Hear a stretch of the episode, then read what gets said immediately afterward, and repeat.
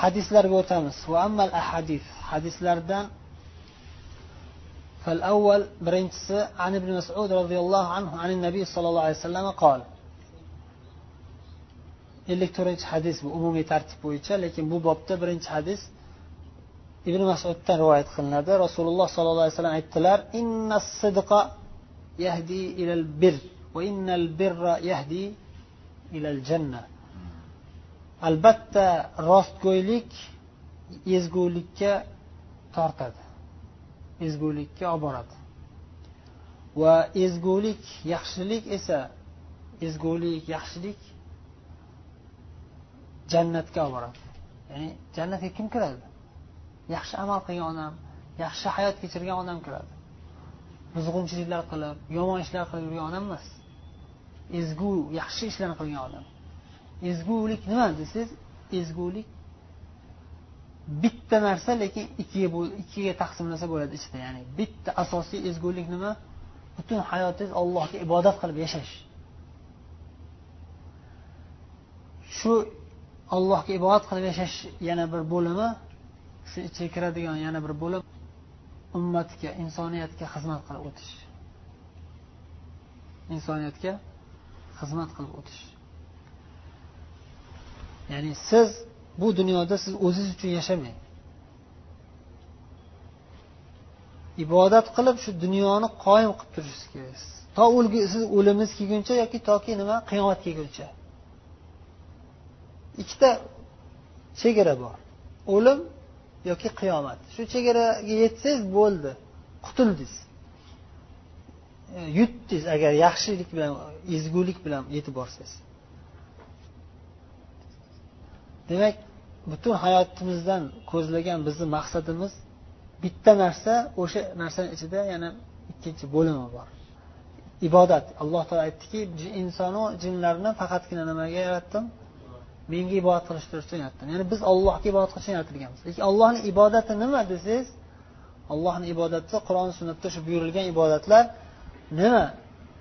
Ikkita qismga bo'linadi ya'ni. Ochiq oydin ibodatlar bor. Namoz zakot ro'za. Buni hamma biladi. Va dunyoviy ibodatlar bor. Zohirdan qarasangiz dunyoviy ishlar lekin u ibodat. Haloyiqqa xizmat qilish ya'ni. Qanday xizmat qilasiz o'sha xizmatingiz ham ularni odamlarni yani haloyiqqa nima qilish kerak? Ollohni ibodatiga bog'lab yashash kerak yashatish kerak. Odamlarni shunday qilish kerakki odamlar bu dunyoda allohga ibodat qilib yashaydigan bo'lishi kerak. O'shanga qanday yetishaman qanday qilsangiz odamlarni allohga ibodat qilib yashaydigan qila olasiz buning uchun ularga xizmat qilishingiz kerak. Butun insoniyat ikkita narsa uchun yaratilgan. Ibadatul xoliq va xidmatul maxluqin allohga ibodat qilish va maxluqlarga xizmat qilish. يوفون بالنذر ويخافون يوما كان شره مستطيرا ويطعمون الطعام على حبه مسكينا ويتيما وأسيرا إنما نطعمكم لوجه الله لا نريد منكم جزاء ولا شكورا الآيات يعني haqiqiy mo'minlarni olloh maqtab ularni jannatga kirishlarini aytib turib keyin aytdiki ularni sifatlarini nazrga vafo qiladilar. Qiyomat kunini juda ham yomonligidan yomonligi keng bo'lgan qiyomat kunidan qo'rqadilar. O'zlari yaxshi ko'rib turgan taomni odamlarga berib odamlarni qornini to'g'izadilar. Odamlarni taomlantiradilar. Ya'ni xizmat qiladilar haloyiqqa kimga beradilar u taomni miskina miskinlarga? Miskin bechoralarga. Va yatiman yetim hech kim yo'q qarovchisi yo'q yetimlarga va asiron asirga tushib qolgan mazlumlarga. Asir kim berdi desa bu e, yerda aytilayotgan asir kofir asir ya'ni sizni qo'lingizdagi asir. Siz bir kofirni o'ldiraman deyatgandingiz u taslim bo'lib sizni qo'lingizga asirga tushdi. Urushmayman bo'ldi taslim bo'laman sizga qo'lingizga asirga tushgan asirni siz to uni hukmi hal qilinguncha nima qiling? Ovqatlantirib turing. Ochib tashlab qo'ymang uni. Mumkin emas. O'ziz yaxshi ko'rib turgan ovqatingizdan bering deyapti olloh dushmanga. Kofir dushmanga taom berishga buyurilgan yaxshi taomlardan berishga buyurilgan bo'lsa musulmon asirlarga nima qilish kerak? Musulmon asirlarni qutqarish kerak tezda. Qutqarmasangiz qutqara olmasangiz nima qilib bo'lsa ham yaxshilik yetkazish kerak unga eng birinchi o'rinda. Kofirlarga buyurilyapti hatto taom berishga. Shuning uchun tarixga qarasanglar tarixda shunday voqealar bo'lganki yaxshi amirlar bitta musulmon ayol asirga tushib qolganini eshitib qolib yuz minglab askarlar bilan bostirib borib qutqarib kelgan mutasim. Shu mutasim o'zi zolim podsho bo'lgan lekin musulmon bo'lgan. Imom ahmadni qiynagan mutasim bo'ladi. Va mutasima deb bitta muslima ayol ammuriya degan shahar kofirlar bosib olganda rum askarlari bosib oladi. Ammuriya degan shaharni va kelib musulmonlarni qiynab qamaganda shunda bitta musulmon ayol va mutasima dedi. Mutasimiy nima qilib berardi? deydi unga. Desa haligini bitta odam eshitib qoladida qochib ketib borib poytaxtga bag'dodga borib yetkazadi xalifaga. Shunday bo'ldi. Amuriyani rum askarlari bosib oldi. Bir muslima ayol va mutasima deydi. Mutasimiy nima qilib berardi? dedi. Desa chaqir askarlarni ketdik jihodga deb turib ikki yuz ming askar bilan bostirib borgan otasi. Borib ammuriyani fath qilgan imom ahmad o'sha paytda nima bo'lganlar? Qamoqda o'tirgan bo'lganlar. Eshitib nima deydilar? Shu amuriyani fath qilib o'sha ayolni qutqarganing uchun man qilgan hamma zulmini kechirib yubordim deydilar hech qanaqagina qudrat saqlamay kechirib yubordim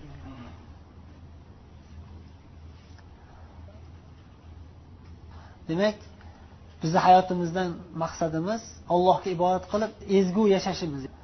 Ezgulik jannatga olib boradi dedilar.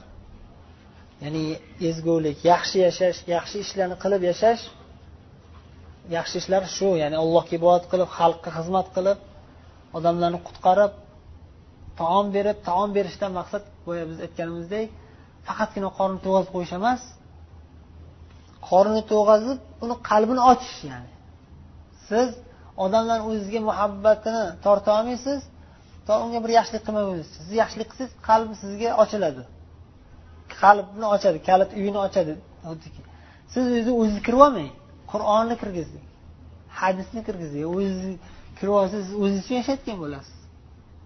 Bir kishi sizni yaxshi ko'rsa bir yaxshilik qilsangiz sizni yaxshi ko'rsa unga keyin o'zizni o'zizni foydangizga ishlatib yursangiz biz boya aytdik rahbar bo'lsa ketib o'zini yo'qotib qo'yadi.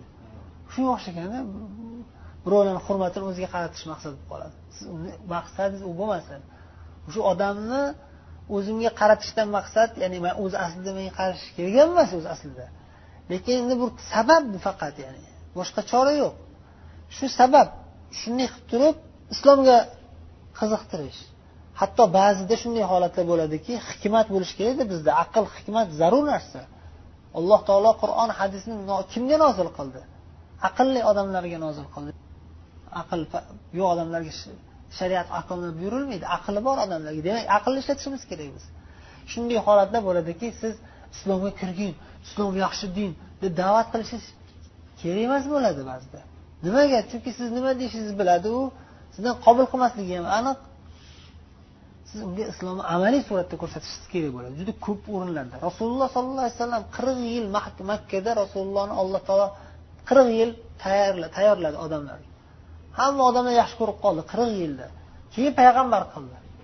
Qirq yilgacha alloh taolo rasululloh sollallohu alayhi vasallamga qaratib hamma odamlarni qalbini ochib qo'ygandi. Xulqlari chiroyliligi sodiqul amin hozir rostgo'ylik deyaptiku omonatdor rostgo'y. Hamma odam yaxshi ko'rganidan keyin qirq yoshga yetganlarida payg'ambar bo'lib da'vat qiluvdilar. Odamlar islomga kirishi yengil bo'ldi oson bo'ldi kiradiganlar. O'shanga o'xshab ba'zi bir holatlarda kofir diyorlarga borganda xususan yoki fosiq fojir odamlarga ham hatto o'sha odamlarga ham to'g'ridan to'g'ri ey sigaret chekmagin desangiz qabul qilish qiyin.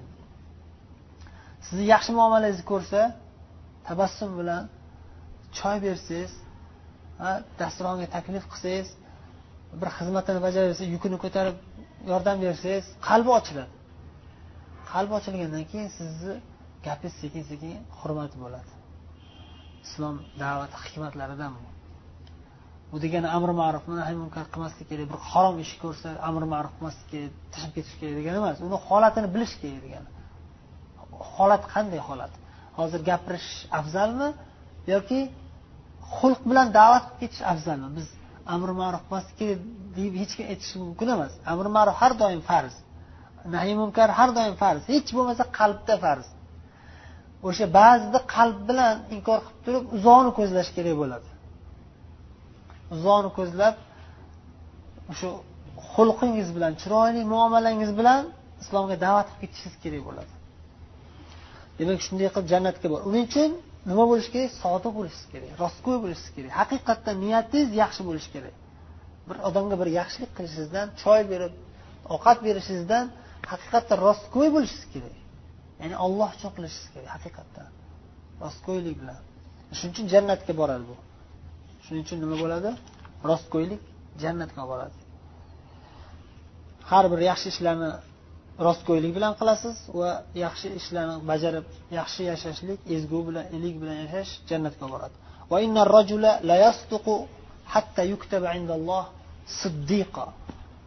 inson kishi ya'ni har har bir odamga taalluqli har bir inson agar rostgo'y bo'lib borsa rost gapirib yursa alloh taolo huzurida siddiq alloh taolo huzurida siddiq deb yoziladi. Ya'ni siddiq degani ya'ni doim sodiqlik bilan yashagan odam degan. Siddiq darajasini bilasizlar. Payg'ambardan keyingi daraja nima? Siddiq. Eng oliy darajalardan ya'ni. Eng oliy daraja payg'ambarlar maqomi. Unga yetolmasligimiz aniq.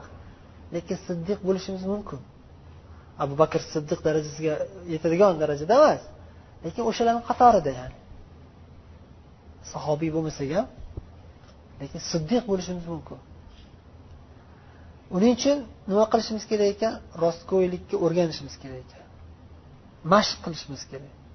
Bu oxirgi jumlani ma'nosi shu. Kishi rost gapiraveradi rost gapiraveradi mashq qilaveradi degani.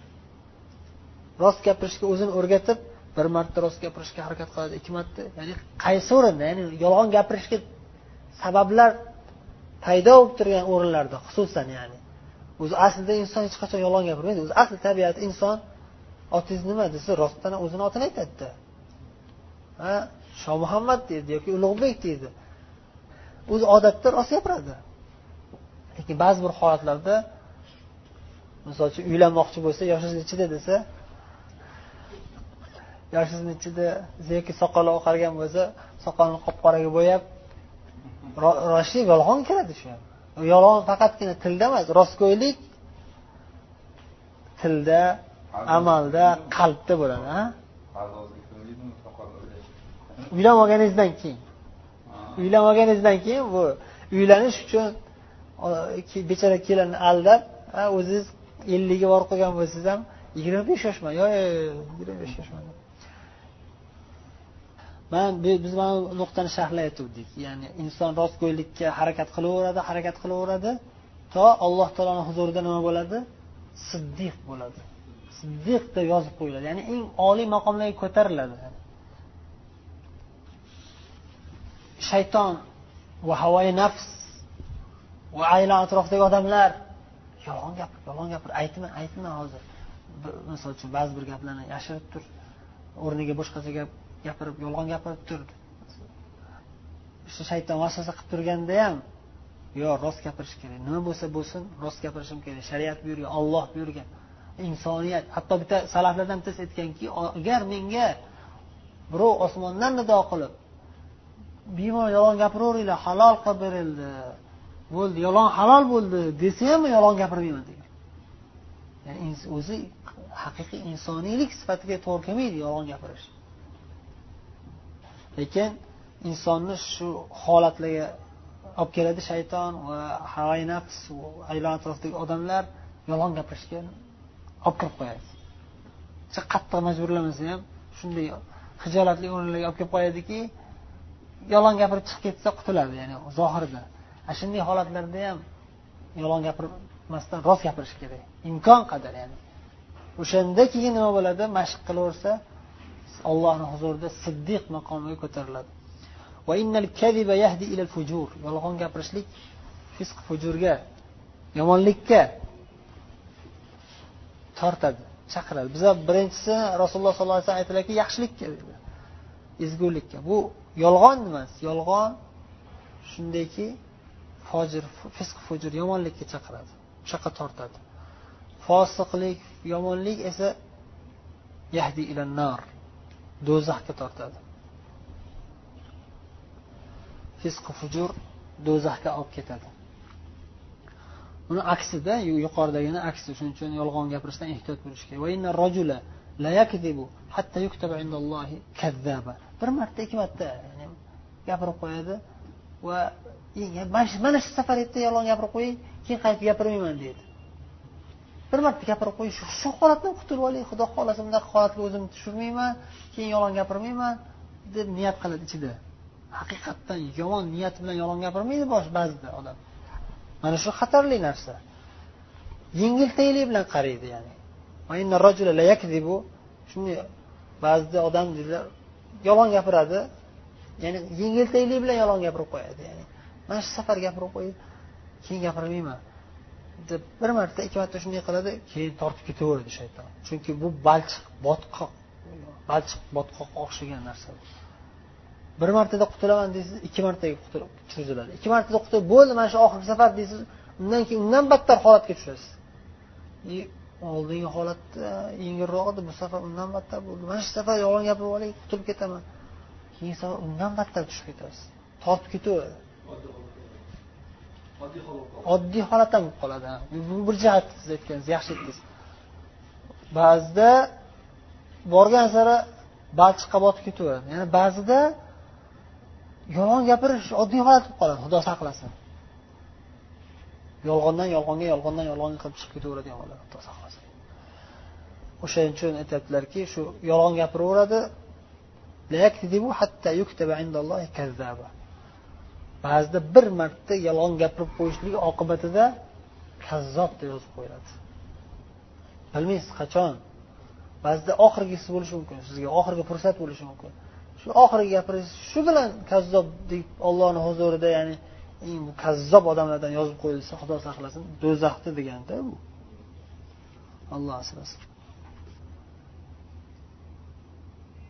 mana bu yerda o'sha yolg'ondan gapirib odamlarni kuldirish maqsadini aytibdi ya'ni ba'zi odamlar askey deb qo'yadiyu bo'lmagan voqeani bo'lgan deb turib odamlarni kuldirish uchun ana shu ham kazzoblikka kiradi va katta gunohlardan ويل للذي يحدث فيكذب ليضحك به القوم ويل له ويل له حديث حسن أبو داود رواية قilgan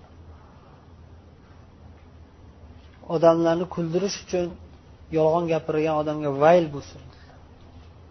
Vaylullahu ikkinchi marta. Yana vayl bo'lsin. Vaylullahu yana vayl bo'lsin. Do'zax ya'ni.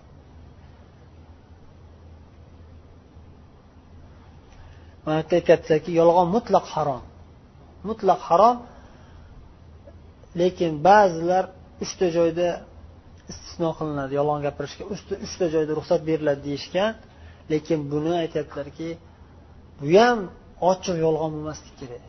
Ya'ni ba'zi ulamolar ba'zi hadislardan foyda olib uchta joyda yolg'on gapirsa bo'ladi deyishgan umu kulsum binti uqba degan sahobiyadan rivoyat qilingan hadisda aytgan ekanlar ya'ni u kishi u ayol rasululloh sollallohu alayhi vasallam uchta joyda yolg'on gapirishga ruxsat berganlar boshqa hech qayerda yolg'on gapirish mumkin emas degan ekanlar. Urushda faqat ya'ni kofirlarni aldash uchun ya'ni. Urushda kofirlarni aldash uchun. Taktika yoki qamoqqa tushib qolgan birodarlar musulmonlarni zarariga bo'ladigan ma'lumotlarni gapirib qo'ymasligi shu hammasi kirib ketadi urushda deganda isloh baynan nas va odamlar musulmon birodarlari urushib qolgan bo'lsa shularni yarashtirish uchun yolg'on gapirishga ruxsat berilgan. Bu hadisda kelayotganida ya'ni masalan sizni nomingizga salom aytib yubordi sizni yaxshi ko'radi qilgan e, o'rtanglardagi bo'lgan voqeadan afsusda undan xato o'tgan bo'lsa e, siz kechirib qo'yar ekansiz. Deb ochiq aytmasa ham shunga ishora qilsa va shu tufayli ora yarashib ketadigan bo'lsa orasi yaxshi bo'lib ketadigan bo'lsa ikkita birodar musulmon birodar orasi shunday ruxsat berilgan. Uchinchisi nima ekan desa uchinchisi o'sha er xotin orasini yarashtirish uchun er xotin o'zini o'zlarini oralarini yaxshi qilish uchun yolg'on gapirishligi zarur bu ham o'sha zarurat miqdoridacha bu ham aldanish yolg'onchi bo'lib qolmaslik kerak o'zi. Ya'ni xotini misol uchun eridan shubhalansa boshqa bo'lsa voqeadan u aslida u boshqa narsa bo'lsa ham sal qog'oz ko'rib yolg'on gapirib ozgina yarashtirish uchun. Endi bu oxirgi holatlarda ya'ni taloqqa tushib ketadigan holatlarda ishlatiladi bu ham. Yani ulamolar sharhda aytishadi shu taloq bo'lib ketadigan ajrashib ketadigan holatga olib borib qo'yadigan bo'lsa shu musulmon musulmon bir oila ajrashib buzilib ketmasin yolg'on gapirib yarashtirish. Er xotin bir birini yolg'on gapirib rozi qilish ya'ni. Demak mana shuni ham usaymin aytyaptilarki rahimaulloh bu yerdagi hadisda aytilgan narsa ochiq yolg'on emas. Tavriya deyaptilar. Murod at tavriya qog'ozga o'rab gapirish ya'ni ochiq yolg'on gapirmaysizu siz bitta gap aytasiz u eshitayotgan odam boshqa narsani tushunadi siz boshqa narsani ko'zlaysiz. Ochiq yolg'on emas deyaptilar. Tavriya degani o'sha yolg'onga o'xshash gap. Yolg'on emas lekin. Yo'q qaysisini aytyapsiz? Najash bor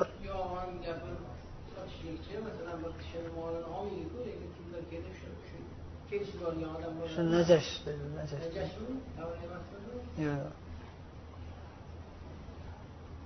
Tavriya o'sha qog'ozga o'rab gapirishlik yolg'on deb aytilishi mumkin ya'ni yolg'onga o'xshaganligi uchun yolg'on deyilishi mumkin lekin u yolg'on emas ya'ni. Masalan hadisda keladi abu hurayradan payg'ambarimiz sallallohu alayhi vasallam aytadilar ibrohim alayhissalom uch marta yolg'on gapirgan deydilar faqat ibrohim alayhissalom payg'ambar. Faqatgina uch marta yolg'on gapirganlar xolos deyiladi. U ham yani o'shani usaymin sharhlayaptilarda u yolg'on deyilgani yolg'on emas o'zi aslida. Qog'ozga o'rab gapirilgan o'sha eshitgan odam boshqacha tushungan o'zi asli boshqacha maqsadda gapirganlar. Ya'ni masalan aytyaptilarki ikkitasi ollohga taalluqli bo'lgan o'rinda. Ya'ni ollohni rozi qiladigan bir ish qilish uchun o'shanga yetish uchun yo'l o'zlariga yo'l ochish uchun yolg'on gapirganlar. Yolg'on deb aytilgan lekin o'zi aslida nima u? Tavriya. Ya'ni ochiq yolg'on emas. Boshqacha ma'noda aytilgan bir so'z. O'sha hozir aytamiz shuni tushunishimiz uchun hozir bu sal dars uzayib ketdi lekin zarur nuqta bu. Shu ibrohim alayhissalom uch marta yolg'on gapirganlar ikkitasi alloh taolo zoti alloh taologa taalluqli bo'lgan o'rinda. Yana bittasi o'zlarini ayollarini masalasida. Birinchisi inni saqim dedilar men kasalman dedilar. Xalq so'radi odamlar so'radi ki biz bayramga chiqib ketyapmiz yursin ham deyishdi. Yo'q men kasalmanman dedilar. O'zi maqsadlari nima edi?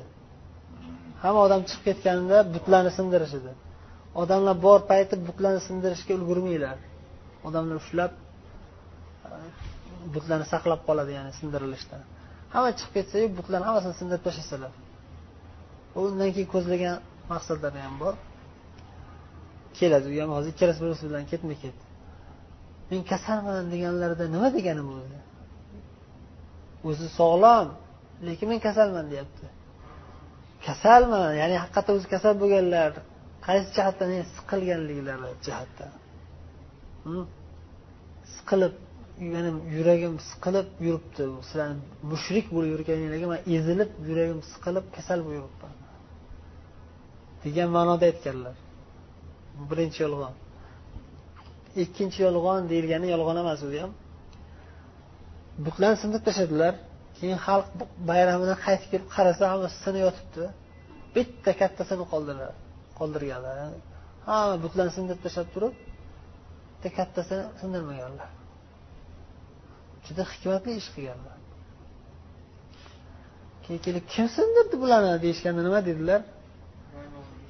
Kattasi sindirdi deydilar kattasi sindirdi deydilarda o'zlarini qo'llarini ko'zda tutadilar maqsadlari shu bo'lgan kattasi sindirdi. Odamlar nima deb tushunadi? Ya'ni butlarni ichidagi eng katta but sindiribdi bularni. Ibrohim davo qilishi bo'yicha. Ya'ni ibrohim alayhissalom u gaplarni ular baribir yolg'onligini biladi. Ya'ni katta sindirdi. Bu sindira olmaydiku. Butku o'zi bu toshku bu. Deb o'sha narsani yetkazmoqchilar. E, toshku bu. Qanday qilib sindiradi degan narsani yetkazmoqchilar ular o'zi aslida. Ha tosh ekan hech narsa qilolmas ekan nimaga sig'inyapsizlar bunga? Bu bir jihati. Bu bir jihati. Ikkinchi jihati shu butlar hammasi ichida bu kattasi eng kuchli a hammasiga sig'inyapsizlar buni rashq kelyapti. Nimaga bu kichkinalarga sig'inyapsizlar? Manga sig'inmasdan. Butlarni tashlanglar hammasini. Menga sig'ininglar men eng katta butman deyapti rashq kelyapti. Keladimi bu narsa? To'g'rimi? Misol uchun ha? Keladi bu narsa inson aqli bilan bunday qarasa haqiqatda eng kattasiga qarash kerak. Kichkina demak eng katta iloh kim o'zi? Yagona ollohku ya'ni olloh g'azabi kelmaydimi? Butlarni yolg'ondan yolg'on ilohlarni qilib olsanglarda o'shalarga sig'inib yotsanglar. Katta olloh turganda ollohga sig'inmaysizlarmi? Deb bu nuqtada bu bu tomondan ham nima qilmoqchilar? Ularga bir sanchiq sanchib qo'ymoqchilar ko'zlaringni och aqlingni ishlat uchinchisi nima deganda haligi misrga borganlarida ayollari sarra onamiz sarra onamiz juda chiroyli juda go'zal ayol bo'lganlar. Uni o'sha misr podshosini askarlari ko'rib darrov yetkazadi podshosiga bir ayol kirdi misrga bir erkak kishi bilan shunaqa go'zal shunaqa chiroyli sizdan boshqasiga hayf sizga bo'lishi kerak. Deyishadi. Podsho olib kelinglar deydi u ayolni. Ibrohim alayhissalom sezadilar. Keyin aytadilarki podshoh san so'rasa meni haqimda akam degan men seni akangman va sen mani singlimsan. Mandan so'rasa man singlimman nimaga unday deydiganlar? Bu yerda o'zlarini foydalari foydasi uchun o'zlarini foydalari uchun nimaga? Eri desalar kallasini olib tashlaydi chunki u er hech qachon o'zini xotinini berib qo'ymaydi birovga. Lekin singlisi bo'lsa singlisini kuyov podshoh mani kuyovim bo'ladi qiziqadi deydi. Shu jihati bor.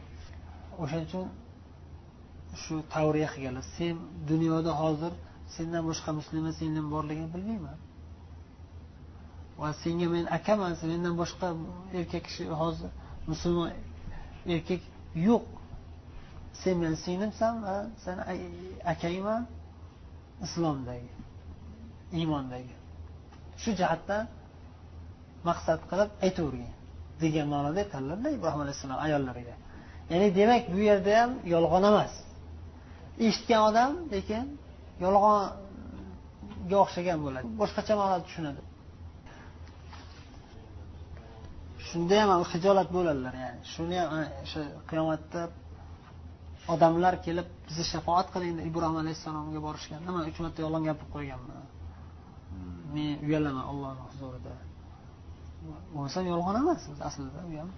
Ular axloqlari iymonlari kuchliligidan qaysi hikoya edi ha u qissasi uzun olib ketib keyin podsho uni yaqinlik qilaman deganda duo qiladilar olloh qotirib qo'yadi podshoni. Qotirib qotib qoladi. Qotib qoladi u qimirlolmay qoladi yaqinlasholmay qoladi. Oldilariga borolmaydi. Keyin nima qilib qo'yding mani deydi olloh olloh qildi man qilmadim san manga zulm qilmoqchisan. Duo qilin o'sha xudoyingga masalan unga shifo bersin. Duo qiladilar olloh qo'yib yuboradi keyin. Keyin yana tashlanadi. Yana tashlanaman deganda yana qotib qoladi. Ikki marta uch marta bo'lgandan keyin askarlarni chaqiradi. Bu jin ekan bu. Bu ajina ekan. Bu manga inson olib kelmabsizlar ayol emas ekan jin ekan qo'yib yuboringlar. Bunga manga endi hozir yana battar yomonlik qilmasin bitta ayol qo'shib beringlar bunga hadya sovg'a cho'ri qilib biz hajar onamizni ham hadya qilib beradi. Xizmat sizga mana shu o'shanda hojar onamiz qo'shib beradi.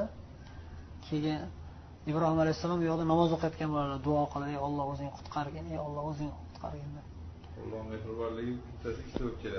Keyin namoz o'qib tursalar kelayotganlarni ko'radilar namozda namoz o'qiyotganlarida endi qanaqa namoz o'qiganlar shakli keyin kelayotganlarni ko'rib sora onamizni sabrlari yetmasdan ishora qiladilar o'zlari namoz o'qiyaptilar ishora qiladilar nima bo'ldi deb ya'ni. Man namoz o'qiyveraman sen gapiraver nima bo'lganini aytaver degan sora onamiz ya'ni abshir sizga sizni xursand qiladigan narsa bo'ldi xotirjam bo'ling. Xushxabar deb aytadilar.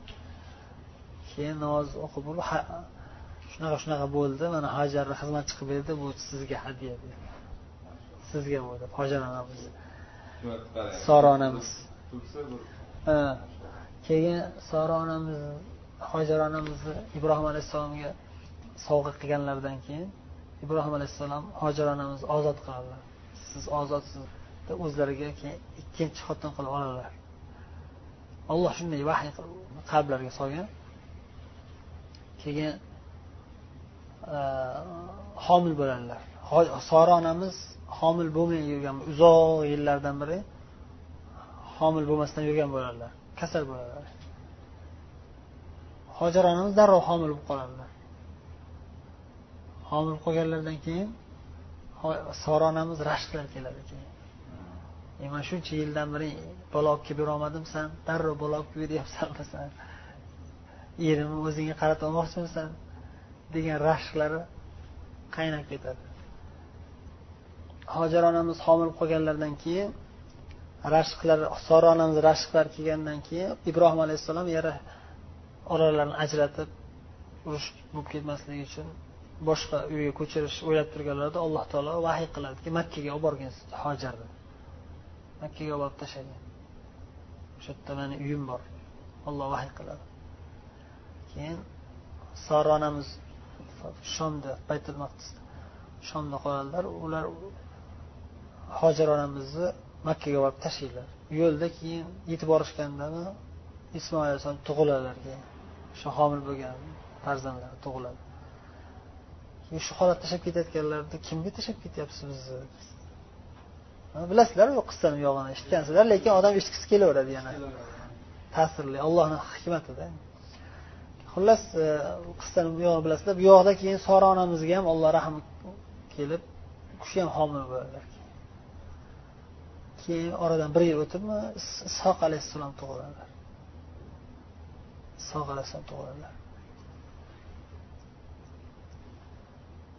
keyin e, ular katta bo'lishadi ikkalalari ismoil kattaroq bo'ladilar ertaroq katta bo'ladilar ibrohim alayhissalom bir u yoqda bir bu yoqda bo'lib o'rtada da'vat qilib payg'ambarlar hamma qavmlarga payg'ambar bo'lganlar hammani da'vat qilib yurishlari kerak yo'qqa borishlari kerak bu yoqqa borishlari kerak. Orada shu makkaga bir marta kelib oilalarni ziyorat qilib turadilar haqqini ado etib. U yoqqa borib oilani shu baytul maqdisda katta xotinlarni javob qiladi.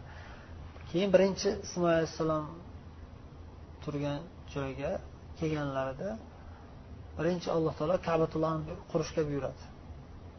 Kabatullohni quradilar ismoil alayhissalom bilan birga kabani qurishdi qayta tiklashadi. O'zi aslida u qurilgan bo'lgan ilgari nuh alayhissalom davridan undan oldin ham bo'lgan. Odam alayhissalom davridan bo'lgan deyishadi. Sahih rivoyat bilmaymanku lekin shunaqa rivoyatlar bor. O'sha joyida alloh taolo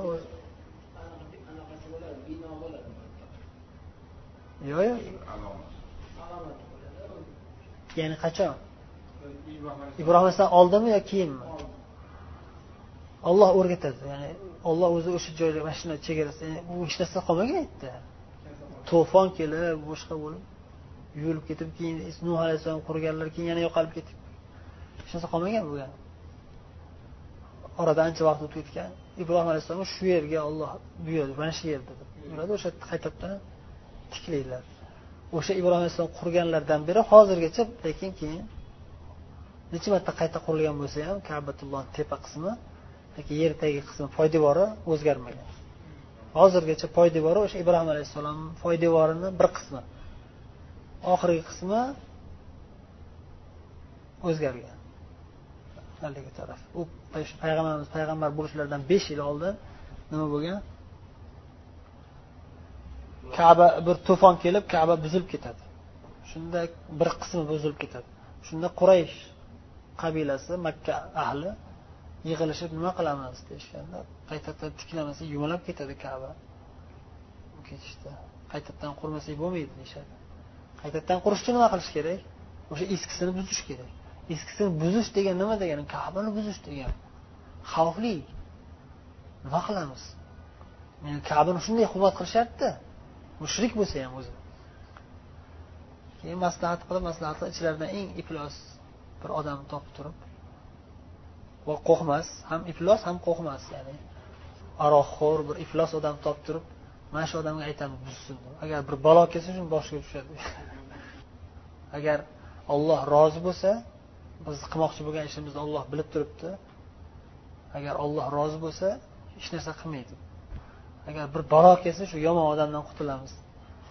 Borib buzib beradi keyin. Qo'rqib turishadi hamma kabani oldidan qochib turishadi mushriklar. Bir narsa qirq yil oldin nima bo'lganda o'ttiz besh yil oldin nima bo'lgandi? Fil voqeasi bo'lgan abraha kelib turib buzaman deganda nima bo'lgan abraha? Qush chiqib turib tosh tashlab hammasini o'ldirgan hozir qush chiqib qoldi bekitib turishadida bu safar ham biz biz buyurdikku endi buni deb. Qo'rqib turishadi. Lekin niyat yaxshi niyat olloh bilib turibdi uni. O'sha tomonga e, moyil bo'lib jur'at qilishadi. Buzadi u odam buzib bergandan keyin qaytadan tiklash boshlashadi. Tiklab qurib oxiri hajar asvad qora tosh qo'yish e, o'rnak masalasi kelgandan keyin o'sha payt talashib qolishadi. Qabilalar quraysh qabilasini bir qancha bo'limi borku o'sha bo'limlari talashib qolishadi. Kimga yuklaymiz? Kim kim bu sharaf hajar asvad qo'yib joyiga qo'yish bu sharaf. Kimga beramiz buni? Bu sharaf. E biz yo biz yo biz urush chiqib ketaylik dedi. Keyin shunda bitta hikmatlirog'i aqlliroq aytadiki manda bitta fikr bor deydi nima desa hozir hammamiz qarindoshmiz. Hamma bizni urushib qon to'kishib ketyapti. Biz yaxshi ish qilayotgandik o'zimizni yo'qotib qo'ydik. Endi to'xtanglar bir yana bir yaxshi ish qilaylik mana shu eshikdan kim kirib ketsa rozi bo'laylik. Kim kirib kelsa o'sha odam qila qolsin. Talashuv janjal bo'lmasdan. Kimga nasib qilsa olloh kimni afzal deb ko'rgan bo'lsa o'sha odamga nasib qiladi. Ollohni taqdiri kim kirib kelsa o'sha odam qo'yadi. Samalar keyin sal o'zlariga kelishib bo'ldi rozimiz deyishadi. Kim kirib keladi keyin? Payg'ambarimiz muhammad sallallohu alayhi vasallam kirib keladilar hammalari bir og'izdan as sodiqul amin. Sodiq rostgo'y omonatdor odam. Hammamiz rozimiz deb bir ovozdan topshirishadi. Bo'lgan voqea aytishadi shunaqa shunaqa payg'ambar manga shon sharaf keldi. Mana turishadi tosh qo'yib qo'yadilarmi yo'q. Hammaga bu sharaf bitta menga emas hammaga taalluqli bu narsa. Hammaga nasib qilsin payg'ambar bo'lmaganlar hali. Besh yil oldin sanga topshirdik san nima qilsang? Biz rozimiz. Katta latta olib kelinglar dedilar. Katta bir latta olib kelinglar olib kelishadi. Shu yerga yozinglar yozishadi. Qora tosh olib turib qo'yadilar o'rtasiga. Lattani o'rtasiga. Keyin aytadilarki hamma qabiladan o'zinglar har bir qabila o'zini eng yaxshi ko'rganini chiqarsin. Hamma bir tarafdan ko'tarsin. Ko'tarib olib boramiz. Hammaga nasib qilsin olib borishadi. Yaqinga olib borgandan keyin payg'ambar sallallohu alayhi vasallam o'zlari borib tosh qo'yib qo'yadilar keyin olib qo'yib qo'yadilar xullas kalom demak kabani o'sha payt qurilganda nima bo'lgan? Halol pul topilmay qolgan yetmay qolgan. Pul yetmay qoladi ya'ni halol pul yetmay qoladi. Hamma poraxo'r o'g'ri yoki zulm bilan olib qo'ygan. Hamma o'zlarini bilishadi ayblarini. O'zi qasam ichishgan kelishib. Faqat halol pul bilan quramiz kabani hech harom aralashmagan shubha ham aralashmagan bo'lishi kerak. Faqat halol mehnat bilan topilgan pulga mablag'ga tosh olib kelib shunaqa halol mehnatdan topilgan pulga quramiz deyishadida o'zi. Yetmay qoladi u yetmay qolgandan keyin nima qilamiz deyishganda bir tarafdan sal kamaytirib qurib qo'yishamiz. O'sha taraf kamayib qolgan tarafi o'sha hijr deb qo'yishadi. Hijr ismoil deyishadi oti noto'g'ri hijr ismoil emas shu? Hijr. Keyin uni kabaku bu ham nima qilamiz buni belgi qilib qo'yaylik deb keyin belgi qo'yib qo'yishgan o'sha. O'sha belgi bunday oyga o'xshatib hilolga o'xshatib qo'ygan belgi o'sha kabani ichiga kiradi. U ham hammasi emas deyishadi ichiga, chegarasi u ham bir hikmati bo'lganda subhanalloh shunaqangi zolim podshohlar kelib omma musulmonlarni man qiladi kirolmaydi kabani ichiga kabani ichiga kirish hamma xohlaydiku. O'sha yerga kirib o'qiyveradi namoz o'qigisi kelgan odamlar ham bir hikmat bo'lgan. Payg'ambarimiz sallallohu alayhi vasallam keyin besh yildan keyin payg'ambar bo'ladilar keyin o'n uch yil makkada da'vat qiladilar oradan yana o'n yil o'tib madinada bo'ladilar keyin oxiri makkaga fath qilganlaridan keyin makka fath qilganlaridan keyin aytadilarki oysha onamizga bu kabani hozirgi holati ibrohim alayhissalom qurgan holatda emas bu deydi qavoid ibrohim emas ibrohim alayhissalom qurgan qoida poydevoriga binoan emas bu. Qaytadan qurishganda halol pul topilmay qolganda shunday bo'lgan. Payg'ambar bo'lganlarku guvoh bo'lganlar. Uni qaytadan ibrohim alayhissalom qurgandek qurilish keraku lekin man qilmayman dedi. Sizlarni qavming ya'ni quraysh makka ahli endi islom kirgan hali kufr taassurotlari butunlay ketmagan holatda turibdi. Agar hozir kabani buzib boshqatdan quramiz desak muhammad kabani buzyapti deb turib fitna qilib yuboradi. Tushunmaydi oradan u necha yillar o'tib ketdi. Yangi avlod chiqqan u eski voqea esidan chiqavergan fitna bo'lib ketadi. O'shaning uchun odamlar tushunmaydi. Shuning uchun tark qilamiz shu holatda qoldirgan qoldirib ketganlar u oradan bir yil ikki o'tib vafot qildilar o'zlari rasululloh sollallohu alayhi vasallam. Bu ham bir hikmatki hozir boyagi aytganimizdek agar ibrohim alayhissalomdek holatga qaytarilganda biz kabani kirolmay o'tiraverardik. Chunki bizni kim? E, bular. Hozir hech kim kirgizmaydiku kabani ichiga o'sha holat qolib ketib qoladida hech kim kirolmaydigan holatda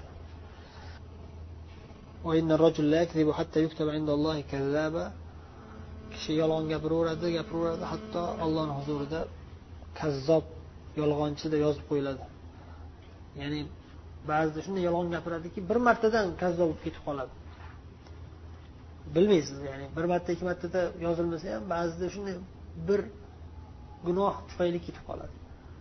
Alloh rahmi keng zot olloh qalbingizni biladi. Qachon siz qanday jazoga munosib bo'lishingizni bilmaysiz siz o'zingiz qo'rqib turishingiz kerak inson qo'rqib turishi kerak balki mana shu gunoh ustida ketib qolishingiz mumkin alloh asrasin